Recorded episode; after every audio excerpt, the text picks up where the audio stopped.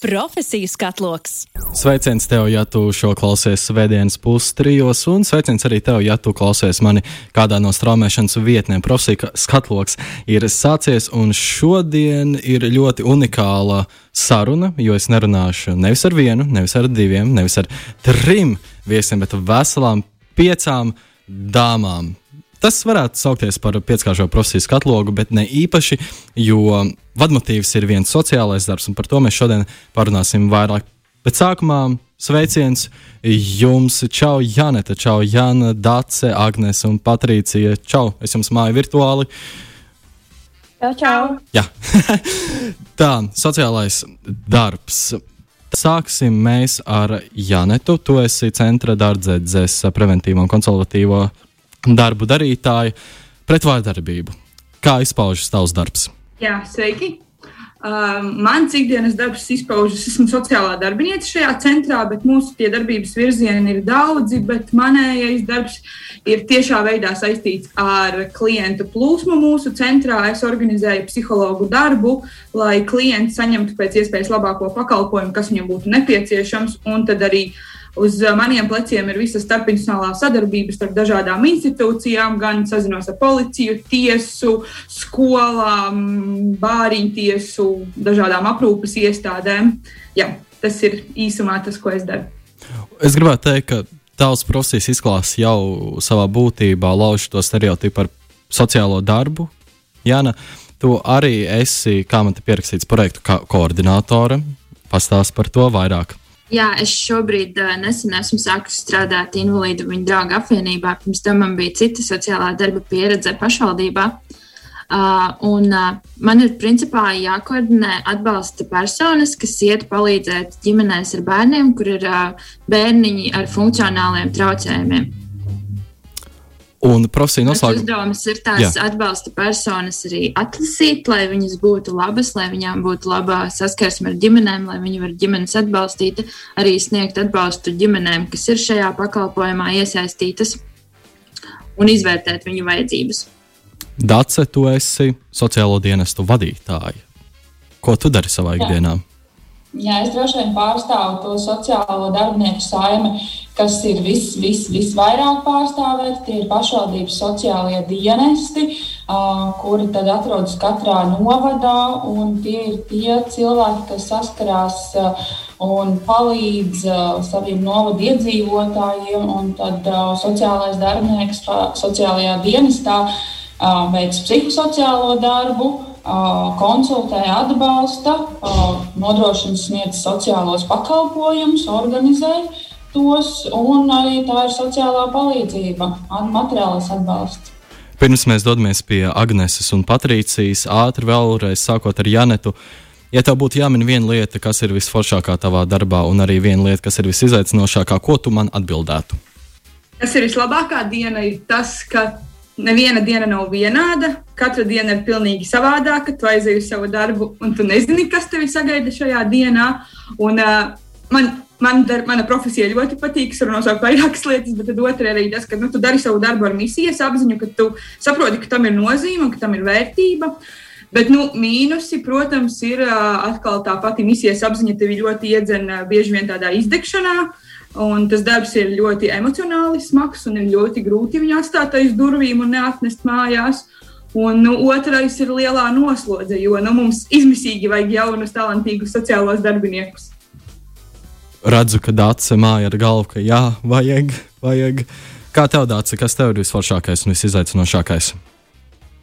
Jā, es esmu strādājis lielā sociālajā dienestā, un šobrīd es strādāju tādā mazākā. Man tiešām ir tā māju kopienas mazā sajūta un šīs atbalsts, kad uh, tie ir savējie, gan kolēģi, kolektīvā, gan arī iedzīvotāji, novadnieki, kas vēršās pie mums. Tā ir ļoti um, tieša sais, saikne un tāda liela atbildība un liela arī uh, pozitīva atgriezeniskā saite. Tas ir tas, uh, tā labā sajūta. Un, uh, Tā grūtā laikam ir tieši tas, ko teica Jana, tā kā pozitīvo šo neprognozētību. Tad mēs visi mājām ar galvas, kad strādā sociālajā darbā.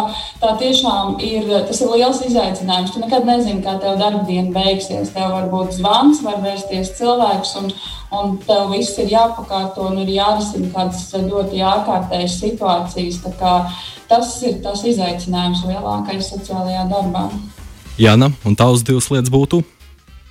Um, es piekrītu Janetai un Dacei par to, ka katra diena ir savādāka. Tas ir tiešām interesanti, jo mēs nevaram sagaidīt, uh, kas notiks tajā dienā. Tas nozīmē, ka visu laiku ir jābūt uz tāda tā kā uz enerģijas viļņa, ir jāatrod kaut kādas jaunas informācijas, jauni cilvēki. Un uh, tas, ka, kāpēc man patīk sociālā darba profesija, ir tas, ka viņai ir tāda starpnozaru tur ir ļoti interesanti. Mums ir nepārtraukti jāmācās. Mums ir jāmācās ne tikai uh, teorija, sociālā darba, bet vispār dažādas nozares. Mēs arī visu laiku mācāmies no klientiem un cilvēkiem, ko mēs satiekam darbā. Un... Tas ir tieši kā persona, tā kā paša sociālā darbinieka arī papildina. Un tas sliktais, protams, ir darbinieka trūkums un, un izdegšana, jo uh, sociālais darbs ir kvalitīvs tad, kad ir uh, mazāk klientu Un, uh, tad mēs varam sniegt labāku sociālā darba pakalpojumu, bet, ja klienti ir pārāk daudz, tad uzreiz arī sociālais darbinieks pārdzīvo, ka viņš savu darbu nevar izdarīt. Principā tas ir darbinieku trūkums, citu sociālo darbinieku trūkums. Un tagad vēršoties pie Agnēs un Patricijas, jūs esat Latvijas Universitātes pirmā kursa studente sociālajā darbā. Pastāstiet par šo procesu, ko jūs, esat, ko jūs mācāties, kā šīs studijas precīzāk atšķiras no citām. Sāksim ar Agnēs. Jā, laikam sākšu tad es runāt un pastāstīt. Jā, vispār es iepriekš arī studēju kaut ko citu. Es nedaudz pastudēju ekonomiku un salīdzinot ar sociālā darba studijām, varu secināt, ka sociālā darba studijas ir pilnīgi savādākas. Mums māca daudz, daudz vairāk, daudz interesantākas lietas. Mums māca par cilvēkiem, par sabiedrību, mums māca psiholoģiju, mums māca arī ekonomiku, mums māca arī tiesības. Mums ir ļoti, ļoti plašs spektrs ar mācību priekšmetiem, kurus mums māca un liek apgūt, lai mēs būtu savā jomā kompetenti profesionāļi. Un šobrīd mums arī ir prakse, un es arī praksē eju sociālajā dienestā Ikšķilē. Mana vadītāja Dace. Un, uh, es tieši arī darbojos ar uh, ģimenēm un bērniem. Un, uh, es varu pateikt, to, ka es jau novēroju šajā praksē, to, ka tas darbs tiešām ir ļoti dinamisks.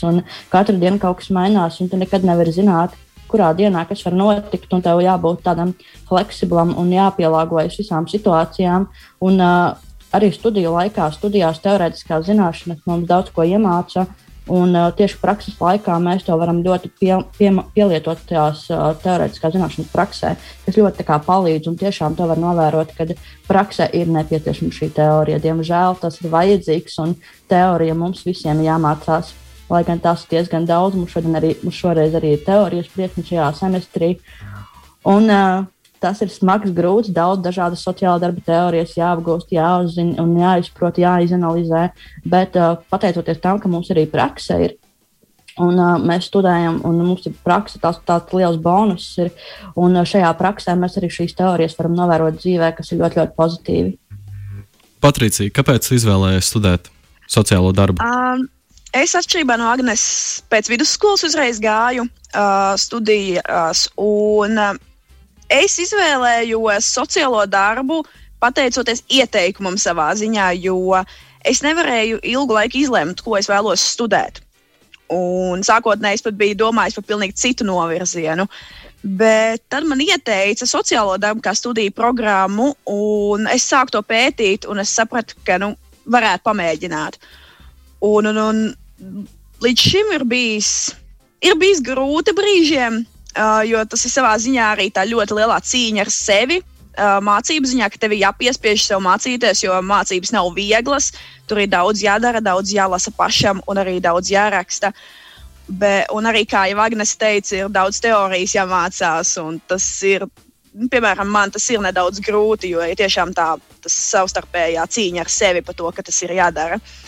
Un, uh, kā jau arī Agnēs teica, ir pašlaik prakse, kas ir es praksi eju Rīgas sociālā dienesta Latgales teritoriālajā centrā krasts, arī specifiski tieši uz ģimenēm ar bērniem.